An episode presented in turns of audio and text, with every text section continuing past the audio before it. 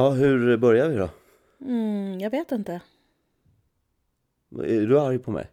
Nej, jag känner mig ganska likgiltig inför dig. Jaha. Ja, Jag är arg på dig. Åh nej, jag orkar inte. Vad är det nu då? Nej men jag tycker det, du, du har varit borta jävligt mycket och sen så liksom när du kommer hem så gnäller du på mig. För att du tycker att jag har gjort någonting fel. Nej, jag tycker att du inte har gjort tillräckligt. Nej men det är så konstigt för jag tycker jag har gjort verkligen allt jag kan, allt som står i min makt. Medan du har varit borta jättemycket på olika turnéer med din stand-up och grejer liksom. Jag tycker verkligen att jag har varit en skitbra äkta man och pappa. Hela hösten faktiskt. Och så kommer du hem och är liksom sur på mig. För att jag inte, för att det är någon skitsak som jag har underlåtit mig att göra. Nej, men jag blir sur när jag kommer hem och det är ett diskberg och det är damm på golvet. Men det kan ju inte vara mitt fel. Jo, för då har du inte dammsugit och diskat. Fan! Jag har ju gjort massa andra saker. Ja, Jag har men handlat, lagat mat, hämtat barn, organiserat friluftsaktiviteter. Ja. Dessutom har jag jobbat heltid med fem olika projekt. Ja, liksom. men vet du vad Tobias? Nej, jag det här vet är inte vad. precis vad det handlar om Vad? i vårt ojämställda samhälle. Att när mannen är borta så står kvinnan och ändå fixar den där jävla dammsugningen och disken och allt det andra och heltidsarbete. Men när kvinnan är borta så tycker mannen att det är okej att allt gror igen. Nej. Och när man frågar varför är det ett diskberg, varför är det damm på golvet? Så svarar mannen precis som du gör nu. Jag har ju gjort allt det andra. Ja, jag har Och jag har byggt ju relationer. jobbat. Jag har byggt relationer med Men barnen. Det gör kvinnor hela tiden. Ja, men för mig är det ett heltidsarbete. Alltså, och därför, till- jag, jag kan säga så här. Tillåt det- mig nu att generalisera, men det är precis det här feminismen handlar om. Nej, jag tycker att det handlar om att jag har, jag, jag, jag Jag ägnar mitt liv åt att bygga relationer med barnen och eftersom jag tycker att det, det inte, kommer inte helt naturligt för mig kanske och därför jobbar jag på det. Och då kanske jag skiter i dammsugningen någon vecka för att jag tycker det är viktigt att vi har det bra hemma. Någon vecka! Ja, någon jag vecka. pratar år! Det är inte år. Jo! När du har varit borta flera helger i rad, du har varit i Finland och turnerat, du har varit i Göteborg, du har varit fan, du hyrde teater här på, i Stockholm och körde en helg. Då har jag liksom jobbat järnet här hemma liksom. Och för att det inte ska bli kris och slitningar mellan barnen så har jag försökt ägna mig åt det. Istället ibland för att dammsuga. Då tycker jag, vad fan spelar dammsugningen för roll om det är kris i relationerna? Jag tycker relationer är viktigare än damm.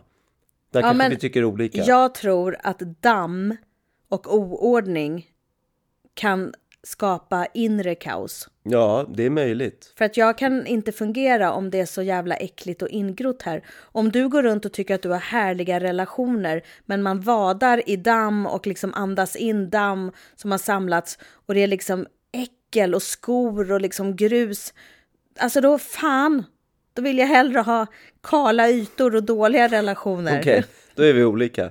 Ja. Hej och välkomna till Äktenskapet avsnitt. Menar du att du i samma andetag som att du säger då är vi olika och sen hälsar du välkommen? Ja, men vi måste ju hälsa välkomna någon gång. Tror du att lyssnarna känner att du bryr dig om dem, att du bjuder in dem i det här? Nej, men fortsätt tänker då med din... Fortsätt då med din... Ska vi... Nej, nu fortsätter vi Tobias. Men vadå, det här blir ingen bra ingång. Nu har vi börjat. nu Jaha, slutför okej. vi det här. Ja, hej! Får jag hälsa välkommen? Ja, gör ordentligt bara. Hej! He- Hej och välkomna till avsnitt nummer 23 av podcasten Äktenskapet.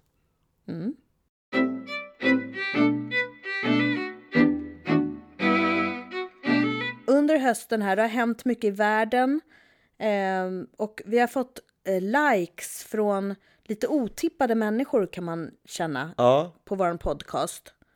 Män som skriver på arabiska och har Syr- Syriens flagga och de har vapen i händerna och står framför Eiffeltornet med Syriens flagga och sådär gillar våran podcast. ja, det är jättekonstigt. Och jag kan inte tänka mig att de har lyssnat på den och gillar innehållet. Nej, för jag tycker vi har väl inga direkt kopplingar till varken Isis eller liksom Al-Qaida eller Men det någonting. hoppas jag. Och jag kan inte tänka mig att de gillar en kvinna som mig. Nej, kanske Alltså inte. en kvinna som jag som är så elak mot sin man. Nej, det har de nog svårt att fördra. Eller så är det det de, eh, De kanske blir går igång på det. i. Ja, det är i alla fall väldigt märkligt. Ett tag så tänkte jag att, det kanske, att de kanske trodde att det här var någon slags äktenskapssajt liksom. Ja. Att man kunde gifta sig. Men då undrar jag, vill de gifta sig med oss båda?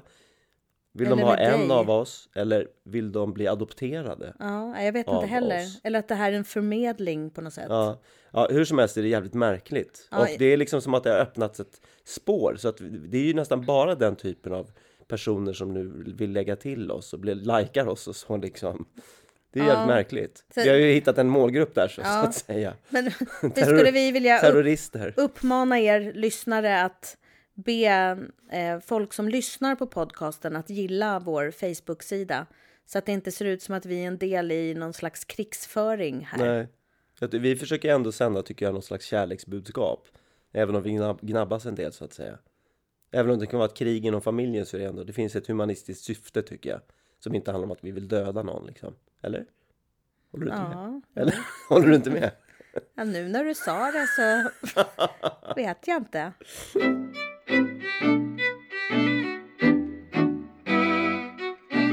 Den här hösten, jag har gjort massa saker för första gången. Den här hösten. Ooh, Ja, men jag tycker det är spännande. Ja. Nej, men jag till exempel, eh, dels så, eh, håller jag på med en radiodokumentär. Det är första gången jag gör det. ja, det gör du. Ja.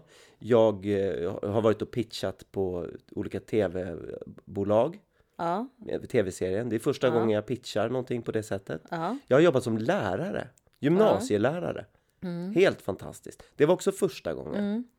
Och jag har märkt att när man gör saker för första gången så får man liksom börja om från början på något sätt. Man får ju på något sätt gräva i sin ryggsäck. Vad vill man lära ut? Vad vill man göra av det här projektet? Vad kan man om det här? Och så måste man ta reda på massa saker. Och jag har liksom grävt fram alla mina anteckningsböcker från jag gick scenskolan. Liksom. Texter, alla olika kurser. Bara att hålla å- Jag har ingen ordning på det. Så jag har liksom fått gräva i liksom, kan jag säga, 10 kvadratmeters material och bläddrat och fixat. Mm. Jag kan ju berätta för lyssnarna att på, en, på ena sidan av våran dubbelsäng i vårt sovrum står en enorm kartong med dina gamla skrivböcker och dagböcker och anteckningar. Och, alltså, det, alltså det är ju bara att acceptera att det är Jo, så här det är, så. är hela tiden. Ja, men det blir ju så. Men det som kontentan av alltihopa, det blir att man gräver, man gräver och gräver fram en jävla massa material. Så väljer man ut en jävla massa material och sen så må, också i hjärnan må- måste man ju hålla på och gräva. Men sen gör man de här grejerna och sen när man kommer hem, jag är ju helt slut. Ja. Bara det här med lärarjobbet. Jag har ju gått hem, jag har ju haft de här eleverna i huvudet 24 timmar om dygnet liksom. Hur ska jag göra för att det ska bli så bra som möjligt för dem? Och du vet på den här skolan, det är också första gången jag liksom hållit, hängt i lärarrum och sånt där. Gjort kaffe i lärarrum. Det är ju liksom en speciell kultur i lärarrum. Hur gick det då Tobias? Ja men det var knepigt Jag att- kan tänka mig att du hamnar lite fel och tar någons privata mugg eller... Nej, ja, men det var inte så farligt på den fronten. Men jag, jag, jag kände ju inte att jag kunde delta i så här, de har ju så olika fredagsmysstunder där de bjuder på kakor och sånt där. Och så sitter de och pratar om vad de ska göra i helgen. Ja. Där har jag känt mig lite blyg och osäker. Ja. Så jag har liksom Jag har satt mig i ett hörn i lärarrummet, Ja. behållit min ytterrock på, för jag har alltid tagit... Varför då? ja, men jag, jag, har alltid, jag har alltid hängt av mig i mitt klassrum. För fan, vilken suspekt person. Ja, jag vet. De har ju alla liksom hängt i lärarkorridoren, men jag har ju liksom Jag har ju på något sätt gått till min lektion och sen har jag hängt upp min rock där i, i, klass, i teaterlokalen. Och sen så tar man ju av sig skorna och ställer det i en speciell sko... Ja, Ja, du ja man tar av sig skorna. Ja, man ställer dem i olika fack där precis utanför det teaterrummet. Ja. Så att jag har ju liksom Jag har ju glidit omkring där i skolan i rock och, eh, och strumpor. Nej. Och sen, jo, och sen när det väl är dags att gå in på lektionen, då har jag hängt av min rock där liksom. Har du inte haft med dig inneskor? Nej! Jag, jag har glömt det varje gång. Jag tänkte vad fan ska jag med det till? Jag kommer ju utifrån. Jag vill inte heller vara en lärare, utan jag vill vara en pedagog som kommer utifrån Men, en, verkligheten. men ursäkta mig, men en pedagog som tassar runt i strumplästen, den får man ju ingen respekt för. Nej, Det finns ju noll pondus med någon som står i sina noppriga gamla strumpor. nej. Hörni, samling! Ja, men det... Grejen så här, Hur tänkte sen, du Nej, nu? men sen, sen har liksom, vi har delat, de har fått jobba med dialoger, så jag har delat upp dem två och två. Och så har de fått jobba i olika lediga klassrum. Så det har varit på tredje våningen, det har varit på bottenvåningen, på ettan och sådär. Så du har sprungit Ja! upp och ner i strumporna? Ja, ja. men Och, Tobias! och, och, och grejen var så att vi, vi har haft ganska begränsat med tid och de har varit så många. Och jag vet ju inte, vadå, 317 A, vad fan är det för lokal? Så jag har fått ha någon jävla lapp med liksom Och så har jag glömt vem som är i vilket rum, så jag har sprungit omkring och frågat andra elever på skolan. Ursäkta mig, vad är 317A? Och så har jag liksom, när jag ska sam samlat ihop alla elever på slutet av Mm. dagen liksom. Det har varit ett helvete att glida runt här i strumplästen, upp och ner för trappor. Och sen har jag varit så stressad så jag har inte ens gått på toaletten. Så jag har varit fruktansvärt kissnödig också liksom, och sprungit omkring där. Så det har känts, på ett sätt har det varit lite ovärdigt faktiskt. Ja. Men eh, det har varit väldigt lärorikt. Och sen i alla fall när jag har kommit hem, jag har varit helt slut Ja. alltså. Förstår du hur jag har haft under alla år när jag har jobbat som lärare och jag har kommit hem och jag har haft alla de här eleverna i huvudet och jag har haft allt det här liksom och så kommer man hem och man vill att det ska vara lite tyst och lite lugnt. Ja, verkligen och så står du och visslar och slamrar och liksom och jag har faktiskt inte belastat dig med att bara vet du, nu har tjejerna i 7D sagt och killarna i 9A. Men, men du har ju pratat om dina elever hela tiden. Ja. Du har ju blivit helt indragen Ja, i men det de här. är, jag blir så uppfylld av, av på något sätt. Och Du sen, har ju suttit och dragit hela dina lektionsupplägg för mig. Det har ju faktiskt varit jättetjatigt. ja, men jag, jag har ju varit osäker på hur jag ska göra liksom. Men och hur, du kan, ju hur här. kan du inte ha berättat att du har sprungit i strumplästen och det där? Jag berättar det nu. Ja, det var ju, ja, det är roligt att du är full av överraskningar. Ja, Ja, men om du ska undervisa där något mer, då måste du ha ett par inneskor ja Tobias. jag, måste ska, jag måste få investera ett par och schyssta. hänga av dig rocken. Ja, men det gör jag när jag börjar lektionen. Men du, vad ska man ha för innerskor då? Ett par gympaskor eller ett par tofflor eller någonting. Inte Birkenstock. Jo, det kan du väl ha. vad har du när men du jobbar på skolan? Jag har haft eh, Birkenstock och schollsandaler och lite allt möjligt. Ja, det låter mysigt. Eftersom jag är ganska kort så brukar jag välja ett par sandaler med lite klack. Så jag kommer upp lite. Men det vore jävligt konstigt om jag hade ett par högklackar. Nej, men jag säger inte att du ska ha det. Jag är också ganska kort. Ja, men eh, när du går in i personalrummet och sådär. Mm. Det kan ju vara ganska speciellt i skolors personalrum. Ja. Eh, lärare har liksom mutat in sina små kuddar i en soffa eller sina egna muggar eller sådär. Ja. Eh, men hälsar du på folk och Jo, är jag trevlig? nickar ju och sådär liksom. Nickar? Nej, men de är så jävla många. Jag glömmer ju alltid vem jag har hälsat på och inte Men vet de på. vem du är då? Nej, ingen aning. För jag skulle tycka det var en man med rock. jätteotrevligt om jag kom ner i personalrummet och så sitter en man i rock och strumplästen. Alltså jag skulle ju ringa psyket. Ibland tar jag fram en gitarr också. För det står en gitarr där i lärarrummet. Jaha. Eller i fikarummet. Ja, Det är ju lite kulturinriktning på den här skolan. ja. Så ibland har jag tagit fram en gura. Då har en, åh vad trevligt. Uppskattar de det eller? Får... Inte alla kanske, men Nähä, några. okej. Mm. Ja, Men det skiter jag i. ja. Men du har ju haft en väldigt intensiv höst måste jag säga. Ja. Eh, ja, du har, du har jobbat på Teater Playhouse med eh, föreställningen Må- Den stora måltiden heter den va? Ja, som du inte ens har sett. Nej, jag har inte ens sett den. Och det var ungefär när det var tre dagar kvar till premiär eller något sånt där så berättar du att du hånglar i den här föreställningen. Ja, men, Fan, ska du dra upp den där? Nej, men sånt tycker jag är så konstigt. När man lever ihop med någon, man tror att man känner varandra, att man berättar saker för varandra.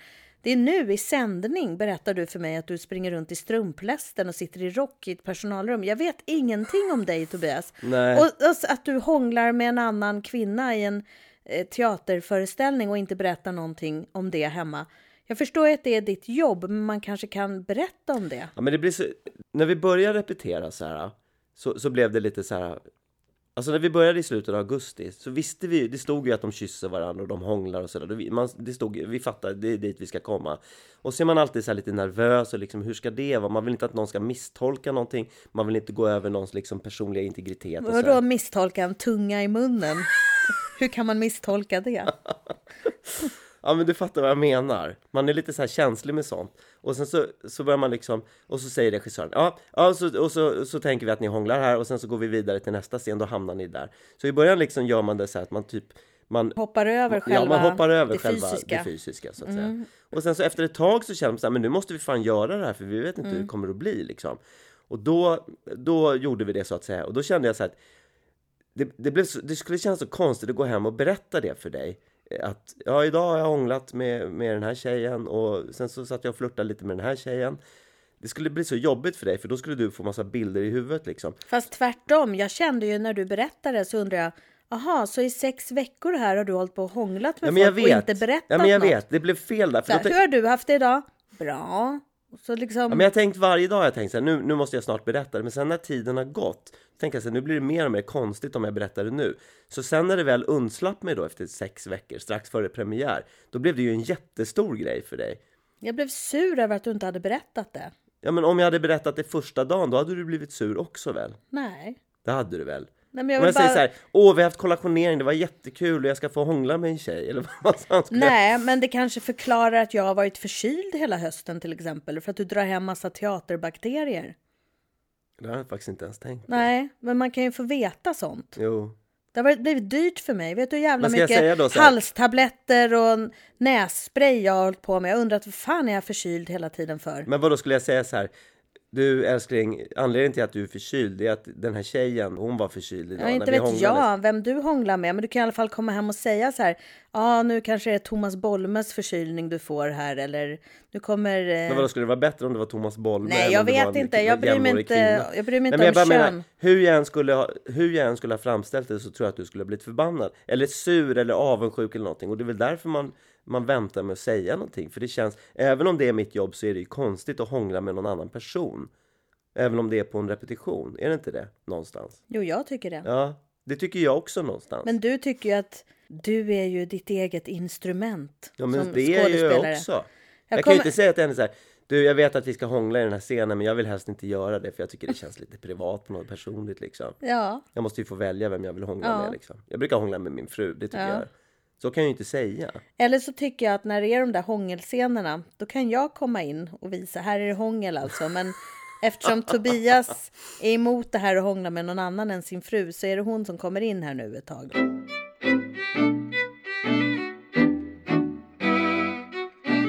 Den här skillnaden mellan det privata och det professionella, för att eh, på stand-up-scenen, jag pratar ju ganska mycket om dig.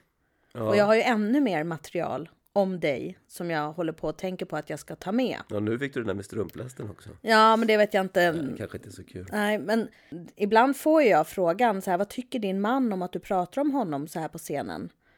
Eh, och så. Och, men, men så är det ju med all, all konstnärlighet. Någonstans gräver man ju där man står och eh, Knausgård till exempel, han ställer ju ut hela sin släkt i sina böcker. Ja, Han men han har ju ju- fått mycket skit för det också. Ja, och det förstår jag. Man kanske inte vill ingå i någons konstnärliga projekt. Nej. Så kan det ju vara, men eh, då får man ju göra en avvägning. Hur viktigt är det för mig att ta upp det här? Och vrida och vända på det här? Eller kan jag låta bli det här för att jag sårar människor? Och i vilket syfte tycker jag. Alltså varför man gör någonting också. Gör man det för att liksom framhäva sig själv? Gör man det för att tjäna pengar för att det är liksom en snaskig nyhet eller liksom att media hänger på? Eller vill man, har man ett annat syfte som är på något sätt n- något gemensamt för? Det är väl så folk på nyheterna tänker också. Eller borde tänka. Alltså journalistisk etik. Finns det något allmänintresse av det här? Ja, så För måste man att ju publicera tänka. den här ja. bilden eller bla bla bla. Ja. Eller är det bara att få fler tittare liksom? Ja. Eller så? Eller ja, eller klicka på nätet liksom. Mm.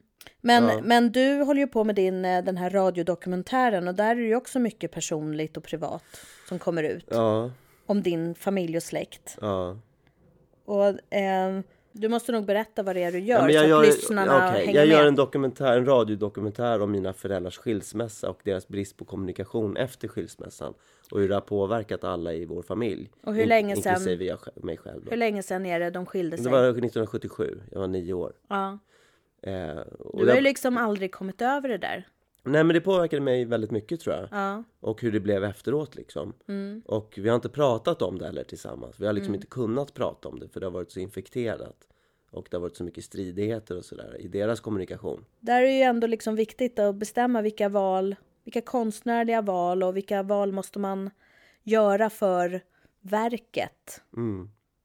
Ja det är jätte, jätte Och hur mycket knepigt. hänsyn ska man ta? Och, Fast där måste jag säga att jag, att jag är väldigt eh, överväldigad av att alla faktiskt har ställt upp.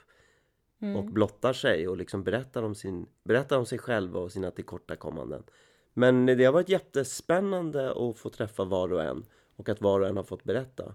Men där tror jag på något sätt att min tanke, he, hela min tanke har ju varit att det här är någonting som ska liksom bli ett slags avslut. En slags, att knyta ihop någon slags säck liksom. Att prata om det som har hänt på ett sätt som gör att alla faktiskt kan prata om det. Och lyssna, lyssna på det utan att hamna i massa försvarsmekanismer och så. Utan att man kan se det som någon slags rena, en en renings, alltså en, en väg till rening har jag tänkt.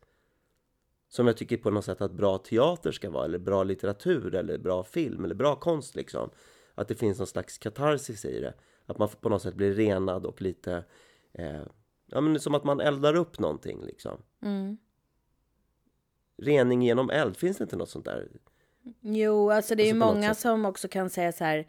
Skriv ner det du tänker på på en post-it-lapp och sätt under stolen så tänker vi inte mer på det nu. Eller, fast det nu, nu tar sak. vi alla de här minnena och bränner upp i Ja, en liten symbolisk brasa. För här är det att man ändå ska gå igenom någon slags skärseld. Ja. Eftersom det också väcker en massa minnen. Men så att man, ska, du- man, ska, man ska liksom inte blunda för det som har varit jobbigt. Utan att alla ska få liksom på något sätt gå igenom det, prata om det och lyssna när andra pratar om det. Mm. Och få höra den andras röst. När de pratar om det med den emfasen som det väcker. Och förstå, shit, det är så den här personen har upplevt det. Mm. Vad, vad kommer dokumentären heta? Har du bestämt namn? Jag tror att den kommer heta Familjen som delades på mitten. Ja, och den kommer sändas någon gång i januari Ja, kanske? sista helgen i januari som det verkar. Ja. Vad, vad tror du att eh, utomstående lyssnare kommer tycka eller få med sig av det här? Jag tror att många kommer känna igen sig och eh, kunna identifiera sig med det och börja tänka på sig själva och sitt eget liv och sin egen uppväxt eller sin egen relation med den andra partnern. Vi har ju massa jämnåriga kompisar nu som har skilt sig, som inte kan samarbeta. Och där man tror att man liksom handlar rätt fast man kanske inte alltid tänker på barnen i första rummet. Sen det här är ju inget, det här är ingenting som liksom det här är ju ingen uppmaning till att man inte ska skilja sig eller så. Nej. Därför det har jag inga moraliska synpunkter på. Men när man väl har kommit till det till skedet att man inte kan samarbeta längre eller kärleken har på något sätt upphört eller tagit slut. Att man på något sätt alltid måste släppa sig själv och tänka på konsekvenserna liksom. och hur viktigt det är att, bi- att bibehålla en bra relation till den andra partnern oavsett om man tänker olika för barnens skull. Så att barnen har en chans att bygga upp en bra relation med den som den kanske inte träffar lika ofta då längre. Det tror jag är på något sätt min kontenta i alla fall av det här. Men är det inte så att, ehm, att vi inte faktiskt har pratat så mycket om det här? Trots att det är så vanligt med skilsmässor i västvärlden i alla fall. Så är det väl inte så många böcker och filmer och teaterpjäser som handlar om när det inte funkar bra Nej. efter en separation. Utan det på något sätt bara är, nej men det är som det är. Jättemånga skiljer sig men eh, det är egentligen ingen som tar något ansvar för eller höjer röst, barnens röst. Nej, Och någonstans så är det ju för de flesta barn i alla fall någonting som blir lite jobbigt efter en skilsmässa. ja det tror jag absolut. Sen är det många som berättar om hur att det har blivit jättebra, att det har berikat deras liv med bonusföräldrar och bonussyskon. Men det kan ju tvärtom också bli väldigt jobbigt. Men jag tror också att när, när det väl sker, det tycker jag har sett på ganska nära håll.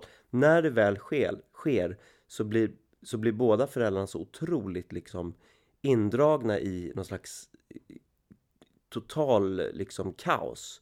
Som det är såklart. Om antingen att man har blivit sviken och liksom inte alls vill skilja, att den ena absolut inte vill separera och fattar ingenting. Och då blir det en total chock och att mattan rycks bort och man förlorar kanske eh, något av barnen eller flera barn liksom som man inte får träffa lika ofta.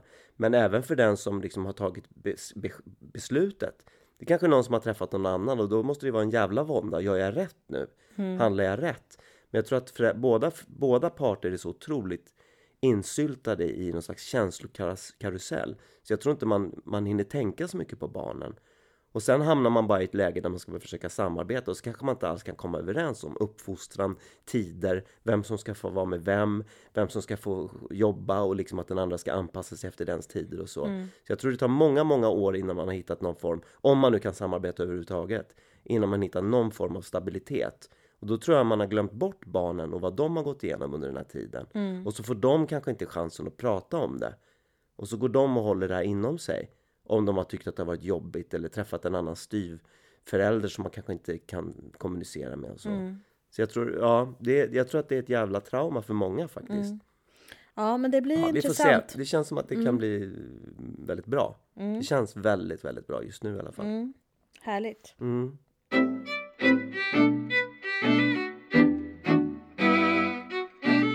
Det är snart jul. Mhm. Vad betyder julen för dig, Tobias? Någonstans så tror jag att det här med kyrkan och julsånger och eh, eh, tända ljus och sånt där och att man kurar lite inomhus liksom. Det tror jag det framkallar en känsla av jul för mig. Någon slags helighet eller andlighet som jag känner är väldigt så här, nära och viktig och på något sätt fin. Men sen är det så jävla mycket annat ju med reklamen och stressen och julhandel och julklappar och sånt där. Den här, hela den här kommersiella biten som jag avskyr så fruktansvärt mycket. Och även kraven på hur man ska fira jul. Det ska vara så mycket gemenskap och i vår familj har vi inte firat jul med, jag har inte firat jul med mina föräldrar på väldigt, väldigt, väldigt länge. Av flera olika orsaker. Men som bland annat tror jag har att göra med deras skilsmässa och så att det hade blivit någon slags eh, att man ska välja eller att man hamnar i någon slags lojalitetsgrej liksom. Eh, som, där jag fick sån jävla ångest över det så att jag valde att fira på annat håll istället. Och med flera av mina syskon. Så att för mig är julen ganska kluven liksom. Men det, jag kan känna dels en, en, en slags plikt att man ska umgås fast man kanske egentligen inte har lust med det. Eh, och sen hela den här kommersiella biten som jag hatar så otroligt mycket. Så för mig är julen någonting som jag helst vill fly ifrån. Och det tycker jag vi har gjort ganska mycket när vi åkte upp till fjällen. Att vi har flytt lite från våra kanske egna föräldrar och alltså, relationer som kanske inte har varit helt enkla med familjemedlemmar och så. Så har det blivit en, det har blivit en ganska enkel utväg att åka, åka bort för då behöver man inte ens tänka på det. Så jag, jag tycker det är jättekluvet med jul. Och jag önskar att man kunde hitta något, något enkelt och bra sätt som kändes liksom eh, rent på något sätt. Men det är svårt. Jag tycker det är jätteknepigt och svårt. Jag önskar att det vore enklare. Det var en lång utläggning. Ja, men den, den belyser väl flera aspekter på det. För dig då? Nej, men jag tänker att jag... Min bild av jul är ju att det ska finnas ett stort bord med massa goda maträtter. Ja, men lyssna. Ja. Alltså så. Ja. Och, men vägen dit. Vägen till maten. Ja, men alltså hela den där processen bakom det där dukade härliga bordet med alla maträtter. Den vill jag inte vara med om. Okay. Alltså jag tycker att det är vedervärdigt att stå och laga så mycket mat och spara saker i små byttor och med foliepapper över och det är helt fullproppat i kylskåpet. Alltså jag gillar det inte. Men menar du att det skulle vara samma sak om du var helt ensam? Bara att du hade det där julbordet för dig själv? Nej, nej. Men det låter som att julen är bara det där julbordet för dig och maten. Ja, men väldigt mycket. Jag förknippar julafton med att det ska vara ett enormt bord med jättemycket olika maträtter och sånt man aldrig äter. Sylta och ja, sånt där. Eh, för, för jag, döda djur liksom. Nej, men jag har minne av när jag var liten hos min farmor och farfar eller hemma hos min mamma eller mormor och morfar att det var liksom överdådigt med många skålar och fat med massa olika saker att välja mellan. Ja. Men jag själv är inte intresserad av att stå och producera allt det där. Men nu ska vi, nu ska vi fira jul här hemma hos ja. oss. Hur tänker du då? Hur ska, hur ska vi lösa det? Alltså jag, jag vill ju se framför mig att jag sitter i soffan med fötterna på soffbordet med ett glas vin och knäcker nötter. Och kanske skrattar rakt knäcker ut. Knäcker nötter? Ja, ah, okej. Okay. Eh, och liksom kanske tar en knäck som någon har gjort i ordning så här, men jag, vill inte, jag orkar inte tänka på att det är jag som ska laga all mat och diska och göra allt det där. Men skulle det inte och vara det, mysigt det, då? Men då tänker jag alla de här människorna som lagar så här mycket mat och diskar och gör allt det här. Alltså då blir det blir ju bara jobbigt allting. Ja. Men det måste ju finnas folk som tycker det är kul att baka och sylta och safta och liksom som ser det som en, en, meditation eller som en förberedelseprocess. Ja, men då liksom. tror jag att det är så här duktiga människor som liksom börjar baka en månad i förväg och lägger i frysen och sen tar fram vid rätt tillfälle så att det smakar färskt eller eh, lagar mat på kvällarna. Jag tycker i vårt liv så finns aldrig den där lugna förberedelsetiden utan allt ska ske den 23 ja. och på förmiddagen den 24. Ja, nej, och sen sitter man, så därför har vi ju flytt till fjällen ja. flera år i rad och ätit julbord ja. på ett eh, hotell. Ja, som någon annan har diskat efter. Ja. ja, och då kan jag också känna att fan vad onödigt, kostar jättemycket för att man sitter en timme kanske. Vi är ju inte ens sådana som sitter länge och nej. äter. Men, men, men det kanske är värt det ändå på något sätt. Med tanke på allt annat som vi slipper. Ja, fast det blir ju ganska tråkigt. Då sitter man och glufsar i sig lax och sill bland massa främmande människor och sen är man klar liksom. Ja. Jag skulle helst vilja att julafton att man äter jättelänge och så skrattar man då och då och så Knäcker en nöt. Ja. Jag kommer ihåg en jul när jag Då var jag med några syskon tror jag och farsan Vi hade rest bort liksom. Jag tror vi var i Thailand eller någonting faktiskt Där vi vi, vi käkade mango kommer jag ihåg och så var det en sån här stranddisco eller någonting på kvällen Det tyckte jag var jävligt häftigt alltså Jag tror inte ens vi hade julklappar Det kändes så otroligt spännande att vara någon annanstans i ett helt annat klimat och inte ens tänka på julen. Mm. Och det var ju, Jesus var ju långt bort och det var ju mer Buddha som gällde liksom. Mm. Det, och det tyckte jag var, det kändes ganska, det kändes jävligt spännande kommer jag ihåg då. Men det hade inte så mycket med julen att göra, men det var mer att man var kring juletid på ett helt annat Mm. ställe. Men då var det väl mer att du uppskattade att slippa julen? Ja, fast det blev ändå någon slags jul, konstig, exotisk julstämning av det. För vi firade, vi, vi sa ju ändå god jul liksom. Alltså jag menar så här, det är ungefär som att när August Strindberg skriver väldigt svensk, skriver om Sverige när han befinner sig i Schweiz och han minns allting som har med Sverige att göra. Jag menar att man har den här bilden av julen inom sig fast man är på en helt annan plats och på något sätt framkallar sin inre jul istället. Vad är den där inre julen? Ja men då, då liksom tänker, då, det, det är lite bjällerklang i, i ens inneröra och liksom man har massa syner av snö Men det är bara massa abstrakta, mytiska Ja. inslag. Men är inte julen precis så abstrakt? Nej, men det, nej, en? men det är det jag menar. Det är disk och slit och släp och stå vid spisen, städa. Det, det finns inget mysigt med det. Jo men änglaspelet då? Ja, men det, Den där är, ljusen och så är det de där änglarna och de här hästarna. det är de några här som- sekunder som det skimrar lite och bjällrar lite vackert. Ja, jo du, det tycker jag är mysigt. Om man har gjort julskinka och så provsmakar man den kvällen före julafton med lite god senap. Det tycker jag är, ju- det är väldigt juligt för mig. Och så tänder man lite ljus kanske. Det tycker jag känns väldigt juligt. Det är också en sån där grej som jag tycker har varit mysigt när jag var liten. När jag var hemma hos min mamma, då brukade vi sitta dagen, dagen före dopparedagen, brukade vi sitta i köket och slå in julklappar, äta första skinkmackan och rimma. Ja det Det var nästan det, jul. roligaste på hela julen. Ja. Och då hade vi alltid så här helt sjuka rim också. Något år gav vi min morfar någonting som han skulle äta eller så där. och då det var något ätbart och då gjorde vi ett rim som var så här. Dina tänder säger klapp, klapp, klapp trots att det är en attrapp, trapp, trapp. Alltså sådana där rim. Ja. Och så här, lite så här taskiga rim och så. Ja. Det är jul för mig.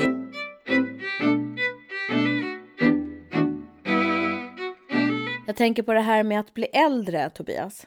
Mm. Du fyllde ju år i november.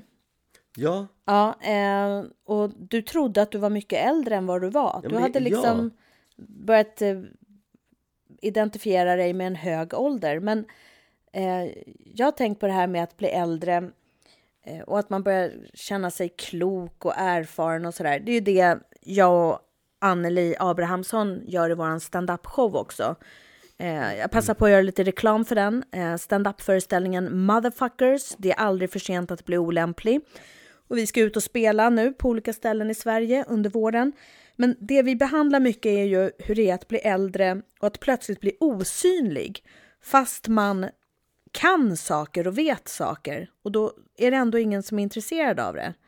Jag kan bli så jäkla provocerad när man är någonstans med yngre människor och de tror inte att man kan eller vet något för att man har blivit en kärring. Eller liksom, man hör i alla radioprogram och tv-soffor hur yngre människor sitter och funderar liksom, ah, man undrar ju hur det kan kännas att föda barn eller att vara gift eller man bara, men fråga någon som ja. kan. Nej men jag håller med dig. Det är- Alltså, det det är ett sånt infantilt samhälle vi ja, lever i. Ja. Men du verkar inte ha någon åldersnoja. Nej, tvärtom skulle jag säga. Eh, jag blir i och för sig lite förvånad när jag ser mig själv i spegeln och ser att vissa rynkor har liksom befästs. Att jag trodde bara det var en tillfällig liksom spasm i ansiktet. Och så visar det sig, men så där ser jag ju ut. Ja. Liksom, munnen har fått det där griniga draget och den där rynkan i, rynkan i pannan har liksom blivit den har cementerats på något sätt. Liksom. Det kan ju förvåna mig ibland för att, eftersom jag inte känner mig så på insidan. Men eftersom jag alltid har sett, eller jag, jag är på något sätt sett ganska ung ut väldigt länge och fått spela under min ålder på scen och sådär. Och så har jag alltid, jag har alltid trott Jag är ju lillebror kanske med det men jag har alltid trott att jag är yngst i en ensemble. Ja, men det tror jag också alltid. Så när, när Och man det, jobbar det, med det liksom... är det som är så chockartat också, att man upptäcker att nu i vissa sammanhang är jag äldst. Ja, Och jag känner mig alltid som yngst. ja, Och, då- och då blir man väldigt opassande på något sätt. ja. Ja men det, det, blir, det blir lite, man får någon slags konstig självbild i det där. Som jag, men om jag spelar, nu till exempel spelade jag ju liksom dels med barn, de kände jag i och för sig att de var yngre än mig, men även med så här, ja men folk i 20-årsåldern liksom. Och, och då, jag trodde vi var jämnåriga. Jag såg inte att jag, jag hade ju fan kunnat vara deras farsa liksom. Det, det reagerade jag på efter ett tag, sen när de började prata om vad de ska göra på helgen och sådär. Du vet, och de är ute och slirar och liksom är uppe hela nätterna och ja men sådär, den grejen liksom. Men, men på det sättet så kan jag känna att jag har, jag har längtat efter att bli äldre. Men då har ju jag tänkt att ålderdomen ska bli att man blir lite klokare. Och att man kanske blir tryggare i sig själv och sådär. Och det har jag ju inte blivit. Nej. Så att för mig, ålder för mig, det är ju bara ett fysiskt förfall.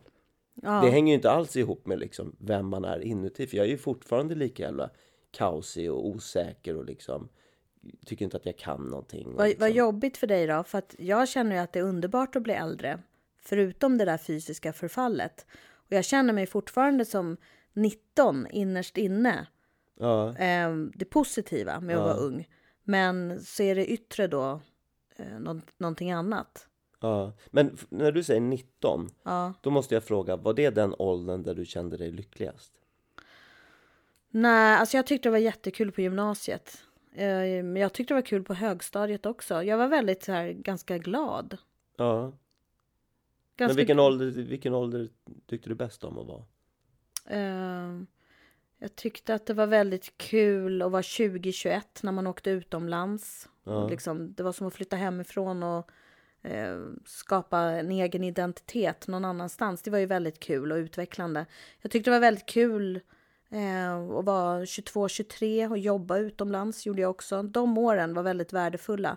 Men sen ser jag tillbaka på hela min tonårsperiod som en väldigt glad och lycklig period. Ja, Det var så jäkla spännande allting ja. och roligt. Ja, För mig var det nog 14, när jag var 14.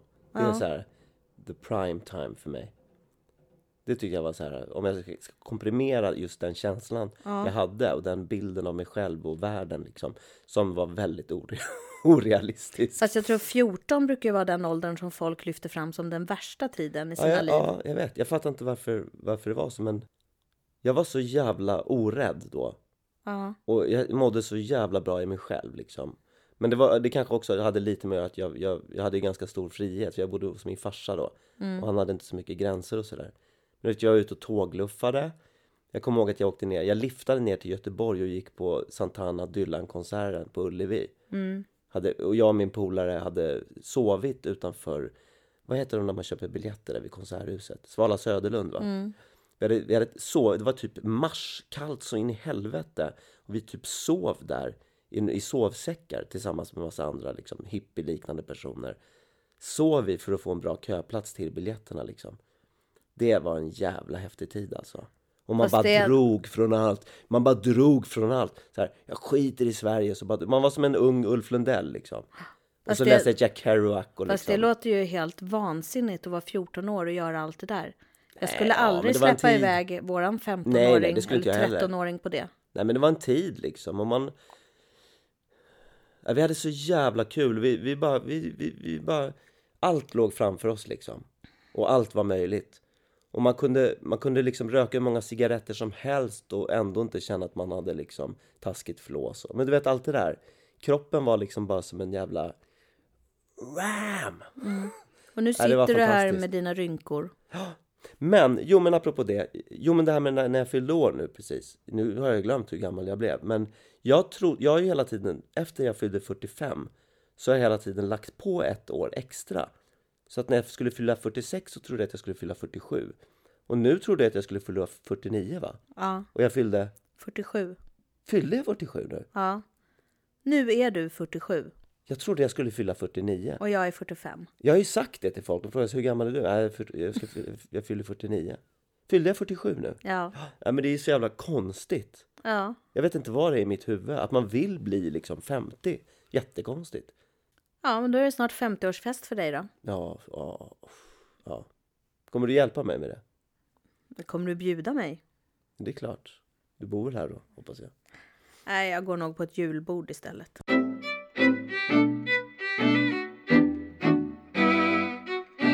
Jo men du, jag fick ju ett jävla konstigt gig också.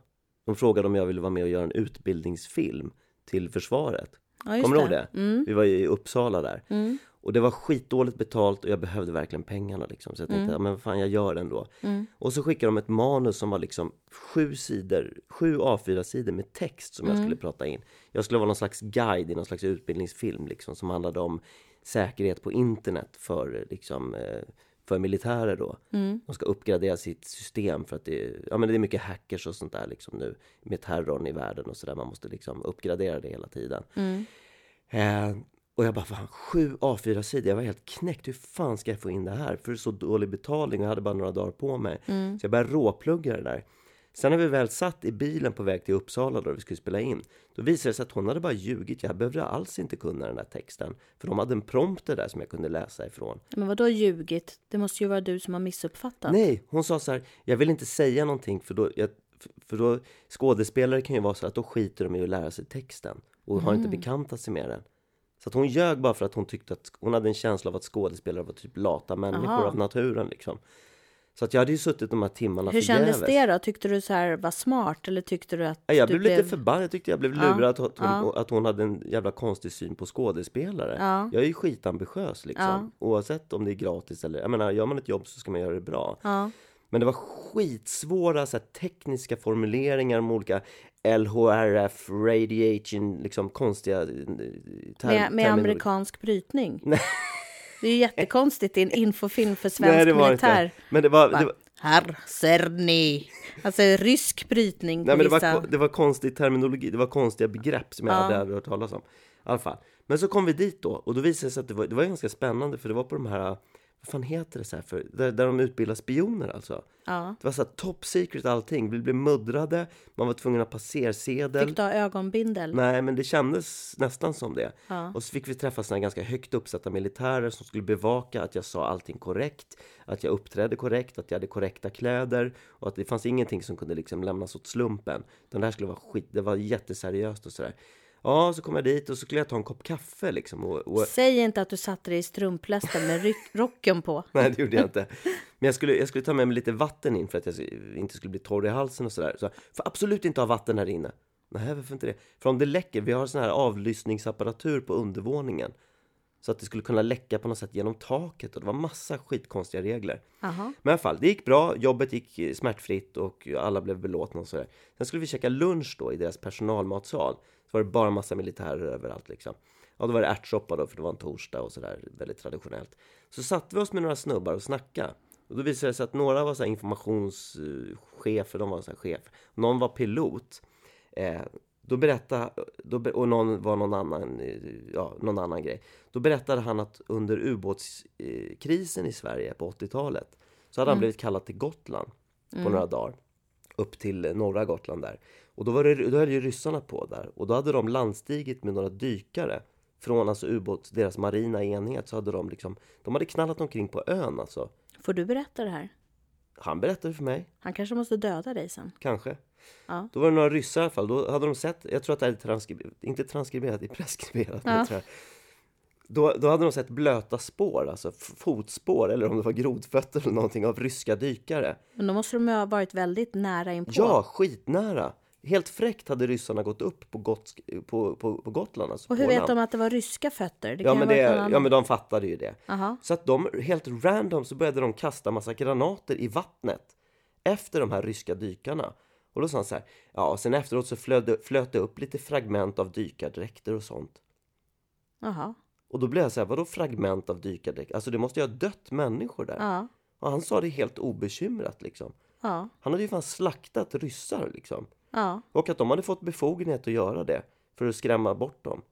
Men, men har deras polare i ubåtarna dragit därifrån då och låtit dem bara bli... Ja men de måste ju på något sätt ha släppts ut från ubåten och sen landstigit för att reka någonting Ja. liksom. Och sen så när de hade upptäckt aktivitet så hade de på något sätt försökt springa därifrån. Ja. Och så hade några liksom, jag tolkar det som att folk dog.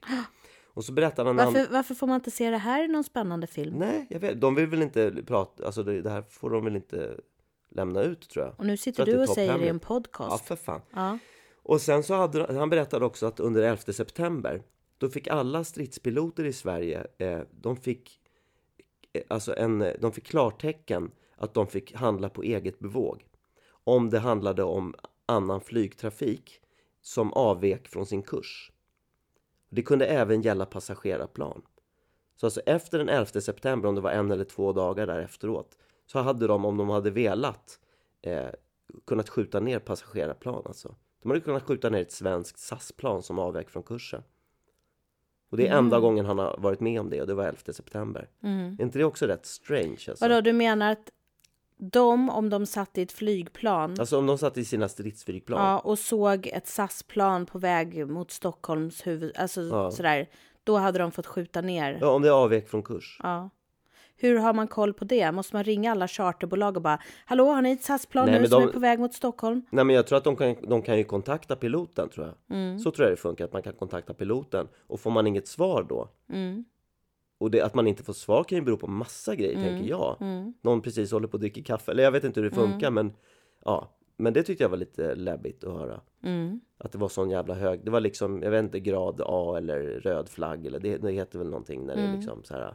När de får ta egna beslut på det. Mm. Men så var det ganska roligt, en tredje pilot som var ganska överviktig, han var rätt trevlig så här, eh, som berättade att de hade ringt till honom och sagt att han skulle flyga. Han skulle på något flyguppdrag, något spaningsuppdrag eller ja, han skulle göra någonting med något jävla flygplan i alla fall, Gripen eller vad det var.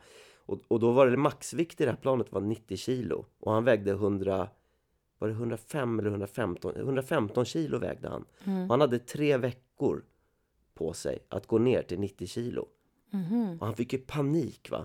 Så han började liksom lägga en rå diet och var ute och sprang och liksom träna som en jävla idiot för att. Ville han så gärna åka det där Ja men han var flyget? tvungen. Det var liksom order på det att han skulle in i det här planet. Men om han var för fet jag, vet- det så... var väl typ, han hade väl varit ledig ett tag eller om det var efter semestern eller någonting. Ja. Så han gjorde värsta jävla dieten liksom. Ja. Och gick ner alla de här kilorna. Och sen så när han kom dit så visade det sig att de, det var bara någonting de sa för att de ville att piloterna skulle vara i schysst form liksom. Så han, hade, han hade suttit i en bastu liksom hela nätter och bara svettats ut de här kilorna. Men då tänkte jag så här, fan vilken effektiv bantningsform. ja, varför får man inte höra talas om den? Pilotbantningen. Ja. Och då tänker jag så här, vad finns det något motsvarande? För jag tänker så här, eh, jag tänker så här, vissa kanske vill gå ner jättemycket för att de vill komma in i en jävligt cool klänning. Om vi säger tjejer då kanske till exempel. Ja. De kan råbanta för att de liksom vill gå ner för att komma i ett visst plagg eller så. Medan liksom, så tänker jag så här för just så här, teknikintresserade män, vad, hur man kan muta dem liksom att gå ner i vikt. Om det är för att de ska in i en sportbil som är så jätteömtålig, att de bara tål en viss vikt liksom. Eller en segway eller, förstår du vad jag menar? Jag hörde ju talas om en snubbe som ljög om sin vikt för han ville så gärna hoppa bungee jump. Och de sa att man får inte väga mer än en viss vikt. Ja. Och han vägde mer, men han ljög och sa att han Nej. vägde. Och vajern gick ju av, så att han åkte ner i backen och blev helförlamad och bröt nacken och Nej allt men vad fan, är inte det här en myt? Nej, Hur vet du det här? Nej, men jag läste om det. Men vadå, en vajer kan väl inte gå av om du diffar på 10-15 kilo? Nej, men den liksom? brast ju, den orkade inte med vikten. Det var inte så att, att gummit inte åkte upp igen utan att han slog i backen istället liksom. Men spelar det någon roll? Ja, Den men en vajer ska väl fan hålla för 10 Nej, men alltså extra gummit kilo. eller vad det var. Nej, men jag, vet du vad jag tror? Men sen, sen har jag också hört nu för tiden att det har kommit bungee jump utan vajer. Då kallas då- det väl bara jump? Nej, då kallas det väl för självmord.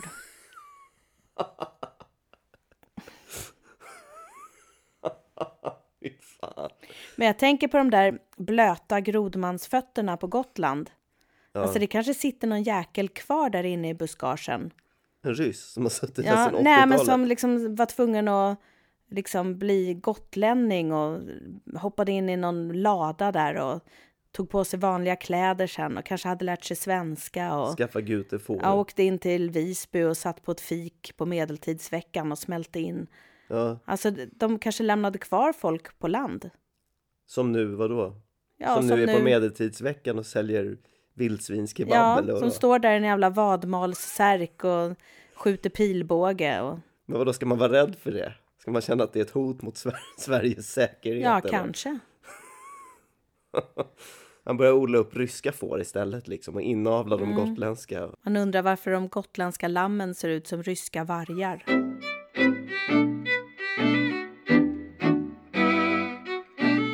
Du Marlin, Ja, du, jag blev så himla glad när vi, nu den här helgen så har ju vår dotter sovit borta. blev du glad då? Nej, inte för att hon var borta, men för att vår son kröp ut från sitt rum. Mm. Vår 15-åring kröp ut från sitt rum för första gången, det känns på flera månader liksom. Mm. Som vi satt och faktiskt hade tid att prata med honom. Mm. Och jag såg att han skrattade. Det var också länge sedan jag fick se honom skratta. Jag hörde att han skrattade också. Ja, ja, men det var ganska trevligt tycker jag. Ja. Men du i alla fall, så måste jag säga om, om vår dotter då. Mm. Som, som jag tycker har gått omkring och varit sur ganska länge. Jättesur. Otroligt sur. Fruktansvärt sur. Aldrig träffat en surare människa. Och först, först så var det så här på morgonen när man säger god morgon gumman och så svarar hon inte. Så, så blev jag så här, fan varför kan man aldrig få kontakt innan de går till skolan? Sen sa hon så här, jag vill inte att du pratar med mig på morgonen när jag får ett fruktansvärt morgonhumör. Men det var ju samma sak när hon kom hem från skolan. Jag vet. Så här, hej gumman, hur har du haft i skolan? Så bara, prata inte med mig. Så att det känns som att hennes morgnar sträcker sig över hela jävla dagen liksom. Men hon är på det där arga humöret hela tiden. Ja. Men sen så, sen så faktiskt nu, vi, vi delar ju Spotify-konto hon och jag. Ja.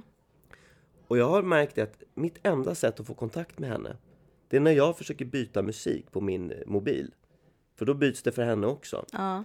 Och då har hon börjat tävla med mig liksom, om vem som ska vinna det här musikkriget. Ja. Så hon sätter, jag sätter på mina liksom Neil Young eller Bob Dylan eller någonting.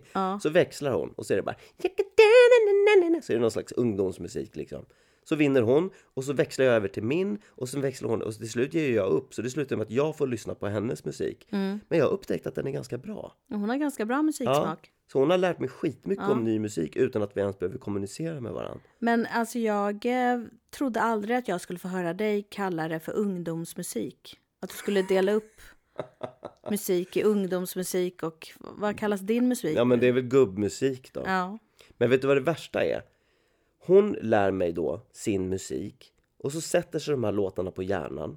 Och sen kommer ju jag hem och trallar dem medan jag dukar fram eller liksom gör så. Då blir hon skitförbannad. För jag får inte ta de tonerna i min mun liksom. Nej. För att då, då på något sätt vanhelgar jag hennes Ja. musik. Ja. Och det tycker jag är så jävla orättvist.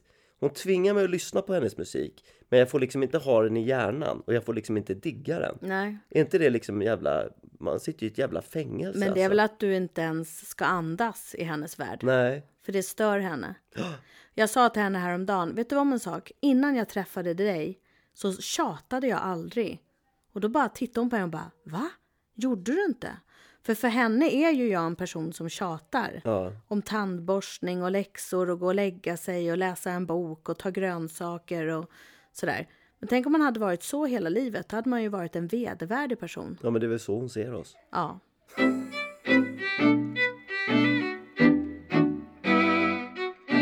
Vi hade en liten diskussion alldeles nyss när bandspelaren var över och vi blev osams om att vi inte har julpyntat, att vi inte har förberett någonting, att, att fortfarande står min morbrors tavlor i en stor hög och vi har inte kommit iväg till en ramaffär.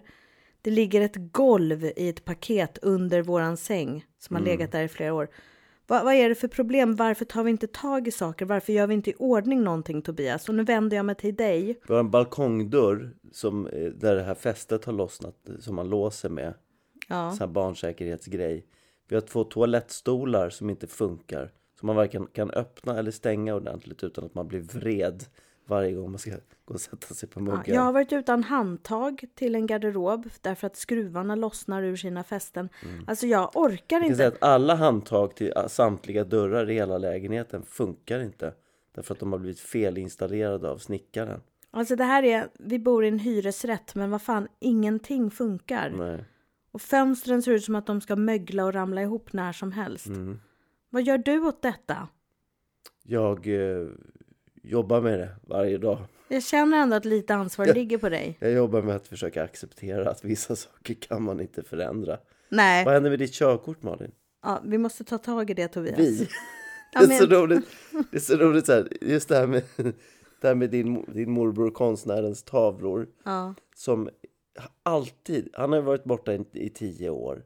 Ja. Och vi, vi fick Inte ärva, varit borta, han är död. Okej. Vi fick ärva de där tavlorna för tio år sedan. Ja. Jag kan säga så här att de har stått framför mina olika garderober. De hamnar alltid framför mina garderober. De har stått, tio år av mitt liv har, har gått åt till att påminnas om eh, tavlor framför min garderob. Så att varje gång jag ska hämta en skjorta, ett par kalsonger, ett par strumpor så påminns jag om att du aldrig tar tag i problemet att försöka ta hand om de här tavlorna på ett bra sätt.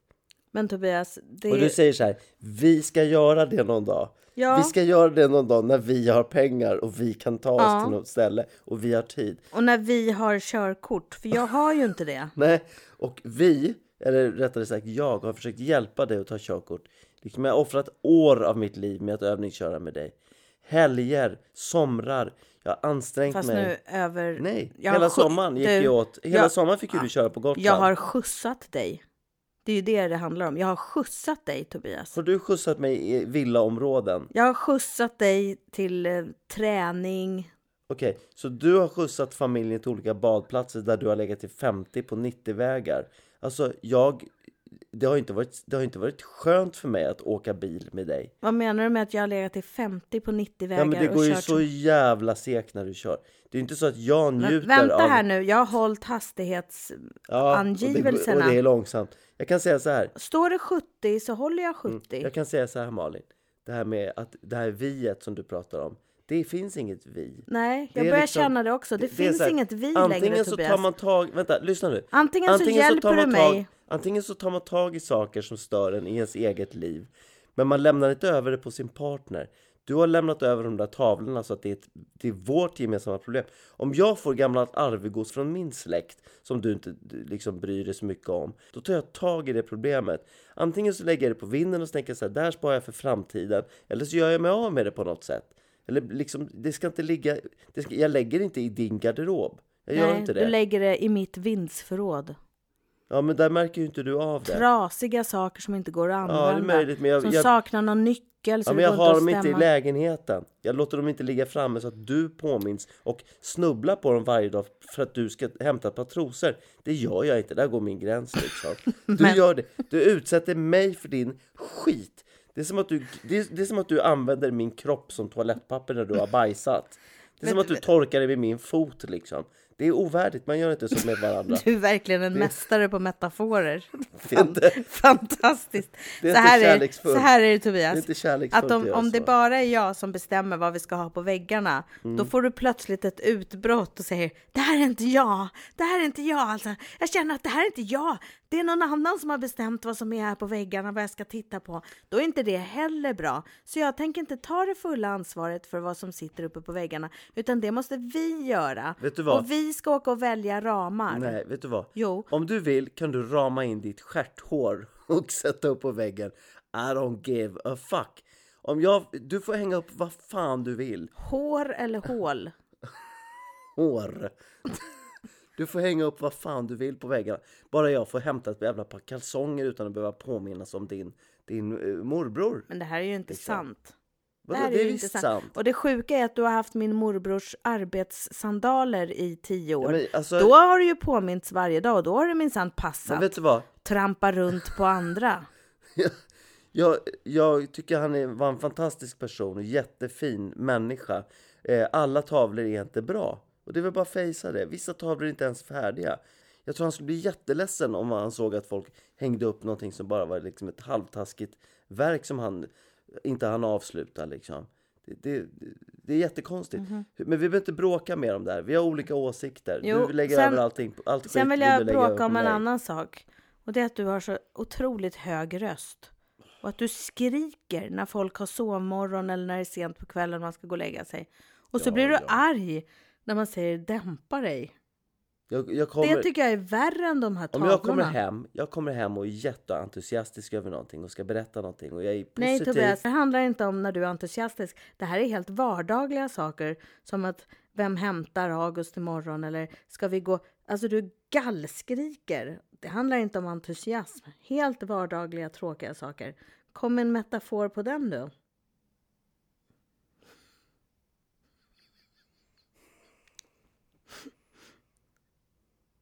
Nu blev du svarslös.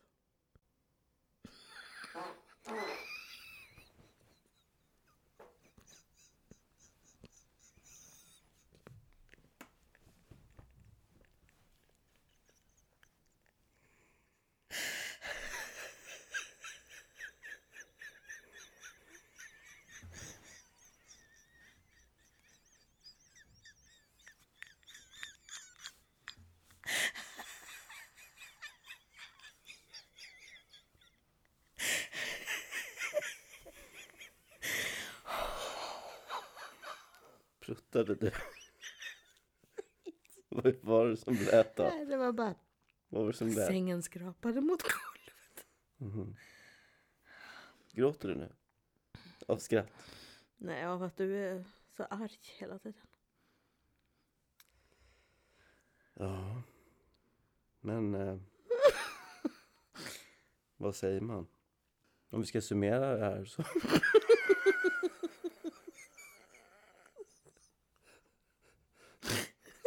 så vet jag inte vad jag ska säga riktigt. Nej.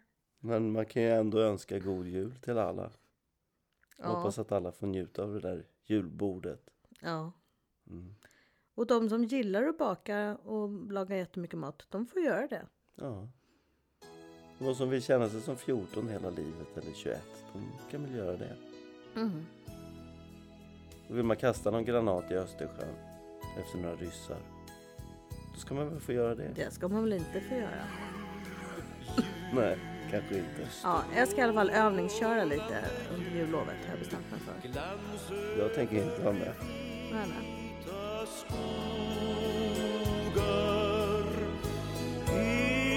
Himmelens kronor med gnistrande ljus Glimmande bågar